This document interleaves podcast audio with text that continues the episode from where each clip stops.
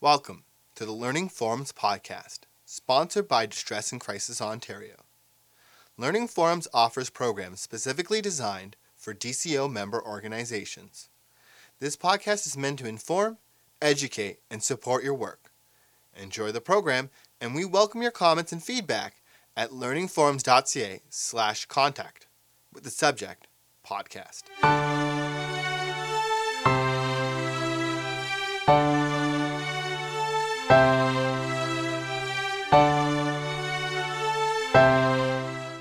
Well, good morning, everyone. Welcome. Uh, my name is Vince Savoia, and I'm the founder and executive director of the Tema Conter Memorial Trust. Um, I worked as a paramedic in Toronto uh, between the years of 82 and 92.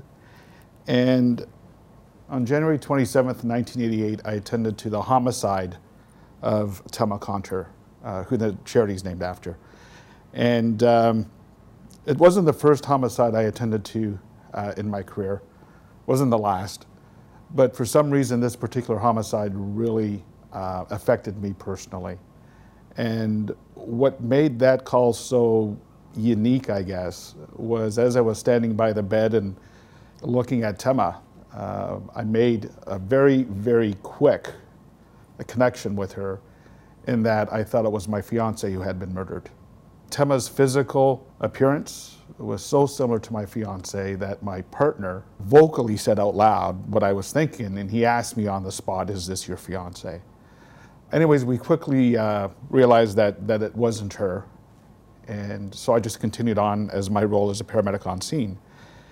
And one of the decisions we had to make that particular evening was whether or not we were going to attempt to resuscitate. And our decision was that we would not. Based on the crime scene, we felt that an attempt to resuscitate really wouldn't have worked. And that one decision, and the fact that I thought it was my fiance who had been the homicide victim, led me down a road that uh, I never thought I would ever experience. And as a result of that, I developed post traumatic stress disorder. And it took about 12 years before I got a proper diagnosis. So, what I'm going to talk to you today about is PTSD. What exactly is it? How does it affect people who have been traumatized? Uh, what are some of the signs and symptoms? And then I'm going to give you some guidelines and precautions as to how to deal with these individuals should they call into the distress center. PTSD, or post traumatic stress disorder, in the past has been known as numerous things uh, compassion fatigue, soldier's hurt, occupational exhaustion. But the term PTSD came into the medical vocabulary in 85, and it was defined within the Diagnostics and Statistical Manual, the third edition. And over the years, the definition for PTSD has changed. But in a nutshell, PTSD can develop after anyone experiences a traumatic event. And it's just not necessarily soldiers who return from war. When we look at PTSD as a whole, it could be caused by natural disasters, terrorist attacks, 9 11. Right? We can look at serious accidents, motor vehicle accidents, and also sexual assaults or physical assaults.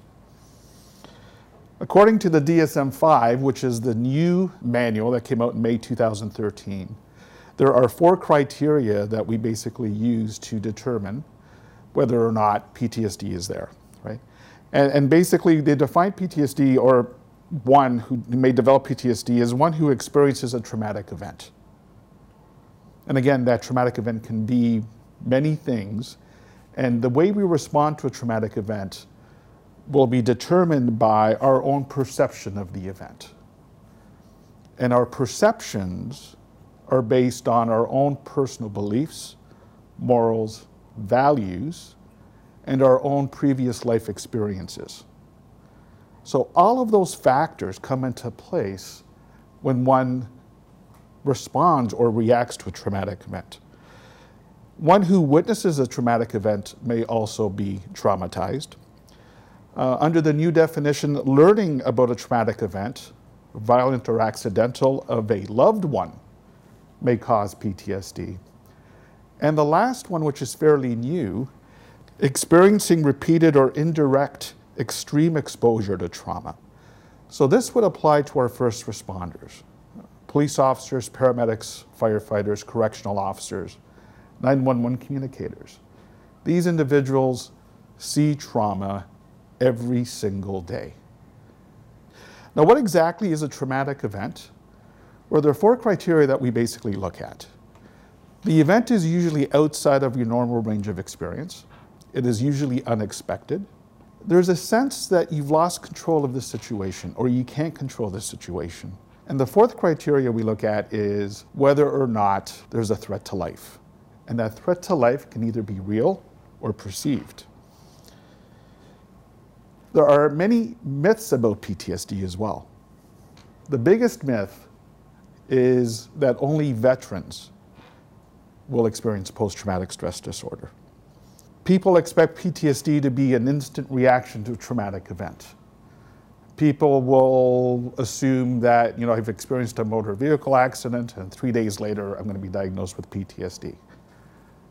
Well, there is this thing called the stress continuum. And in order to be diagnosed with PTSD, what we basically look at are whether or not the signs and symptoms that you're experiencing, and we'll get into those in a, in a couple of secs, whether or not they last 30 days or longer. So anything before 30 days, you may be diagnosed with what we call an acute stress disorder. And you may experience what we call an acute stress reaction. If these signs and symptoms last longer than 30 days, that's where the psychiatrist or psychologist would be able to diagnose a PTSD diagnosis. Another myth is that many people use PTSD as a crutch, or that if you can't handle the events of the trauma, you must be weak. And we see this very much so within the emergency services culture.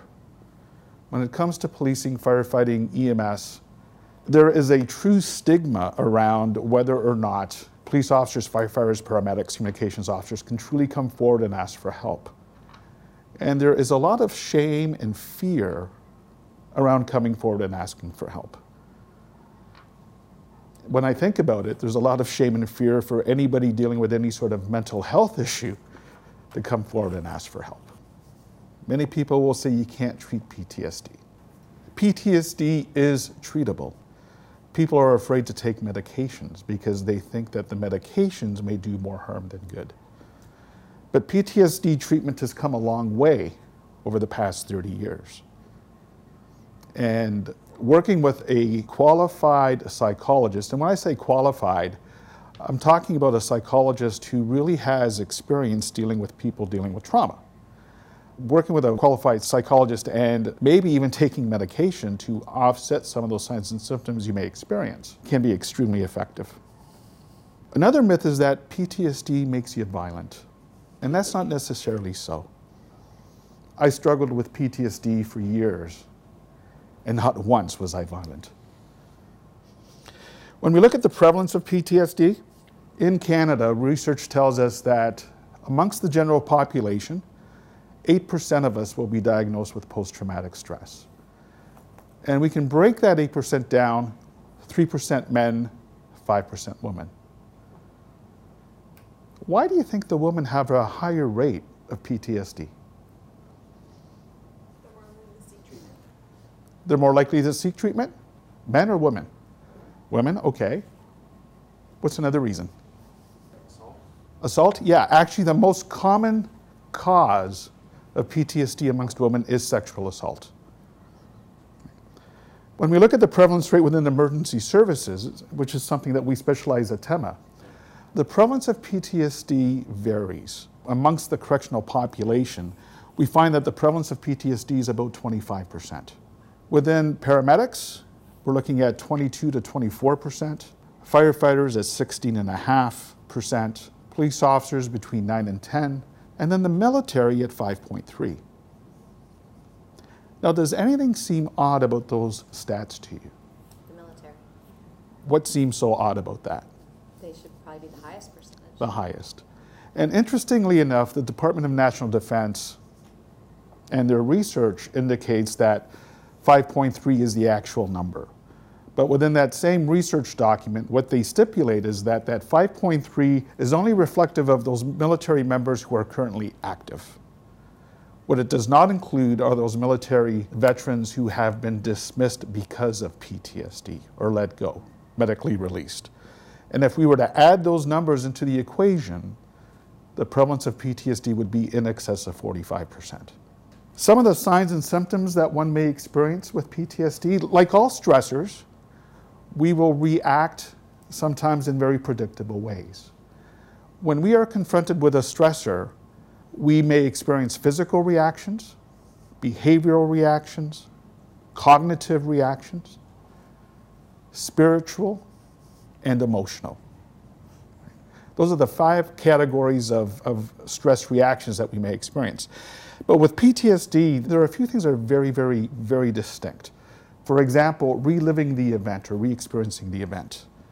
When I was dealing with my PTSD at its worst, I would have flashbacks, meaning I could be sitting at a table talking to you, and all of a sudden my mind would go back to the homicide scene, and all I would be thinking about was that homicide scene. I would have nightmares. I would wake up in the middle of the night in a cold sweat, thinking that it was back at the homicide scene. Avoidance and isolation is very, very common. Again, at the peak of my PTSD, the last thing I wanted to do was be around anyone. I would often come home, have dinner with my wife and my child, and disappear to the basement. And I would spend hours just sitting in the chair staring at a wall. Family parties? No, thank you. Didn't want to go. Friends would call me up, let's go for a beer. Not interested. For me, it basically sucked out my fun, right? And if someone were to ask my wife, what was Vince like before the homicide and after? It's like two different people. I used to be very affable, very outgoing, loved parties, loved to go out with my colleagues. Today, even today, 30 years after the event, I still want to be left alone. It's just, that's the way I respond to it. And increased arousal, being hyper vigilant, being on edge. It's like having that fight, flight, or freeze trigger that we have in the on position all the time. And a classic example of what that may look like is if you have a police officer who's been involved in a shooting, for example, he may hear a car backfire, and that may act as a trigger to that shooting event. Again, being always on edge. And being hyper vigilant, we also become very paranoid and protective of our family. In my particular case, Tema was a victim of a random act of violence. She did not know her perpetrator. In my mind, my wife looked like Tema. Therefore, it was logical to me that my wife would have been that next homicide victim.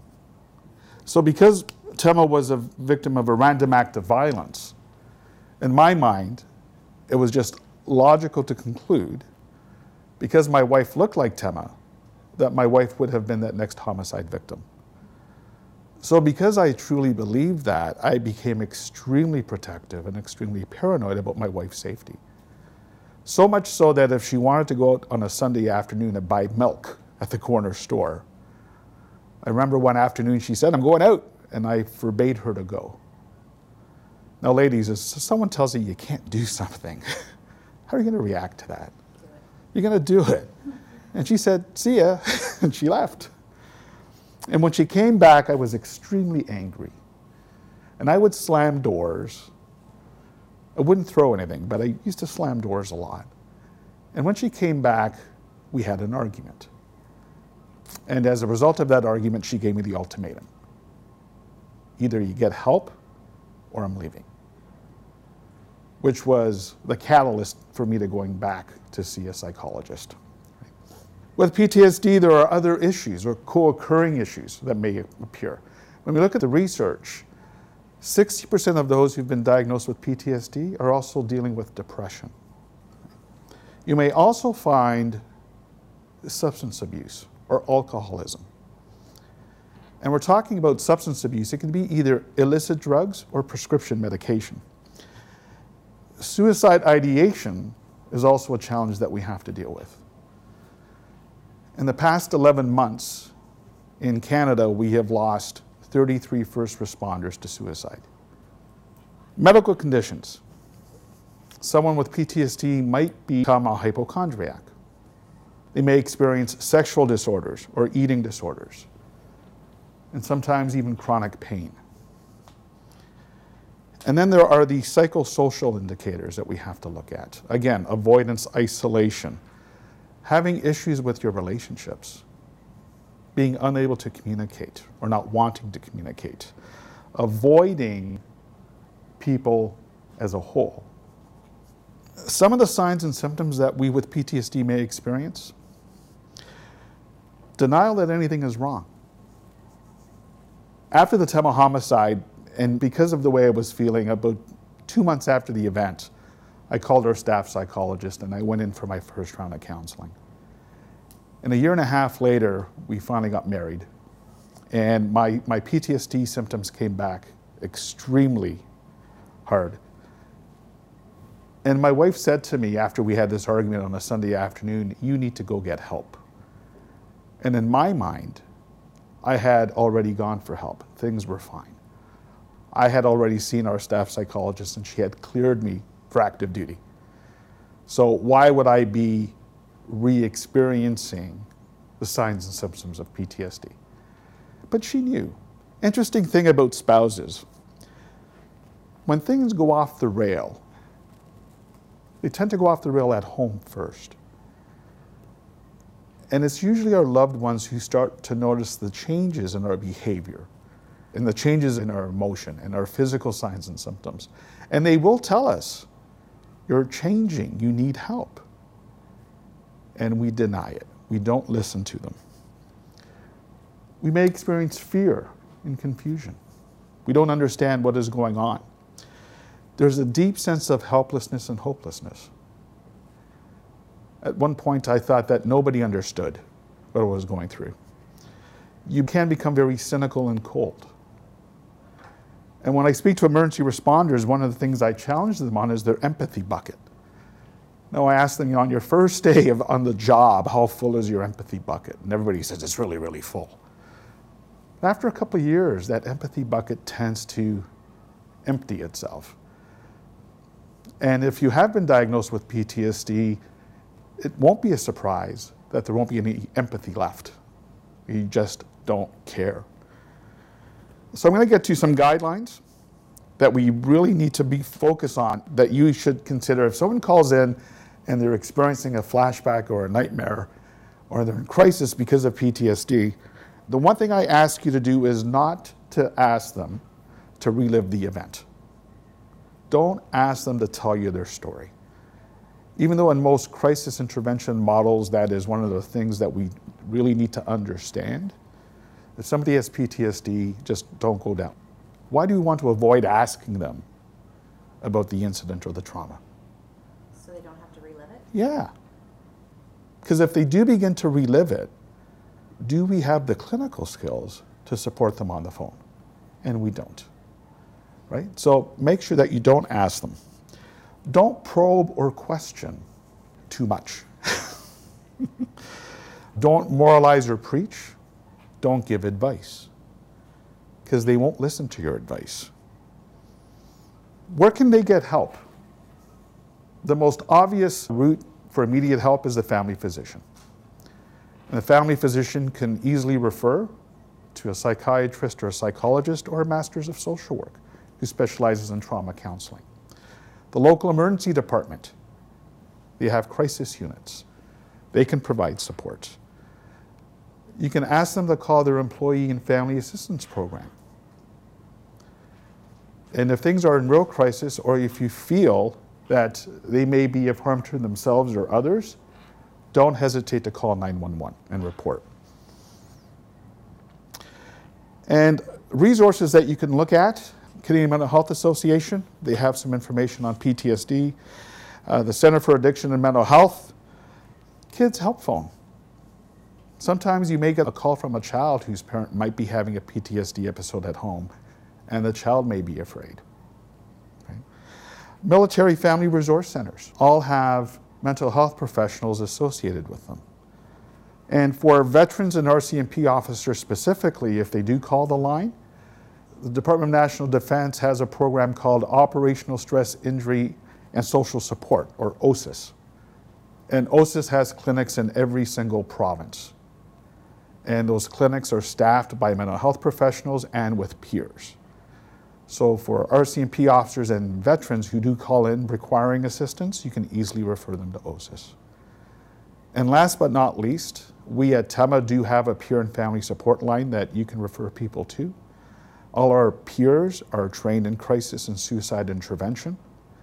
Um, and I'm talking about first responders here. I should be very clear about that. If you have a first responder who calls you and who needs specific help, please don't be afraid to refer them to TEMA. Our toll free number, if you'd like, is 888 288 8036. And again, we can provide them with that immediate crisis intervention, but more importantly, we act as a referral agent. We have a list of mental health professionals across the country that we refer our first responders to. And all of these uh, mental health professionals have been vetted by us, and they all have extensive experience in dealing with first responders and trauma. Listen attentively, be empathetic. If you feel that you said something that may cause them to react in a negative manner, don't be afraid to say, I'm sorry obviously, right? Speak softly, speak calmly. If they're yelling or screaming because they're having a, a crisis, the last thing that you need to do is to match their level of anxiety, right? So try to keep your, your, your voice, your, your tone, your pitch, your speed very consistent, soft, and low. And don't be afraid to use silence. If somebody needs to vent, allow them to vent and use silence to your advantage, right? And if they do react in a hostile manner towards you, don't take it personally. Because they don't know you. But we tend to take things personally when we're on the phone, right? And it's just their own emotions getting the better of them. So don't take whatever they say personally against yourself because it's not intended that way. Any questions? Um, so you mentioned the empathy bucket earlier. Do you have any tips or suggestions on how to keep it full and not deplete it maybe on the long run? Yeah, um, it's a good question. And it, it all comes down to self care and how do we take care of ourselves, especially as a call responder. How do you maintain that level of empathy and compassion for the work that you do? And what is really important is that you recognize the fact that you may become a victim of what we call compassion fatigue. And that is pretty well described as living through others or basically being traumatized by hearing other people's trauma or distress. Right? And, and being only human, we can only hear or take so much. So it's, it's really important that you take care of yourself. And one of the best things that you can do is, if you can, at least twice a year, visit a psychologist would probably cost you about $400 a year, you know, about $200 a session. But the importance of sitting down with a, a qualified psychologist uh, and basically using that opportunity just to vent and to talk and to really talk about any issues or concerns that you may have because of the job that you're doing would really go a long way in helping you deal with the added stressors of the work that you do, right? Also, keeping physically active. I'm not saying you have to go out and run a, a marathon, but you know, if you experience a call that you feel may have a negative impact on you, you know, use that opportunity to maybe go for that walk, right? Use the opportunity to talk to some of your colleagues, speak to your supervisor, right? Don't keep it bottled up. Reach out and ask for help. Right? And, and what we find most appropriate is just reaching out to a colleague who does the same sort of work that you do and having an open and frank discussion about how you may be feeling about that particular event. Some of the things that you may want to consider, and they're very simple things. If you're anxious or nervous or you know hitting that, that crisis point yourself, stop drinking coffee or tea. Right? We don't need any more stimulants in our system. So reach for that bottle of water. Avoid anything with caffeine. Avoid anything with sugar, any carbs. Because carbs and sugars will break down into energy. If you're already anxious, do we need any more sugars in our system? Right? So, some very, very simple, common sense things that you can utilize hopefully will allow you to keep that empathy bucket quite full. I hope you've enjoyed this session today. Uh, we've gone through some of the signs and the symptoms and some of the do's and don'ts of what to do when you're uh, speaking with someone who may be experiencing post traumatic stress. If you would like more information about PTSD or resources, by all means, don't be afraid to visit our website, which is tema.ca, and that is T E M A.ca. Again, thanks for listening and uh, I'm glad I can be here today.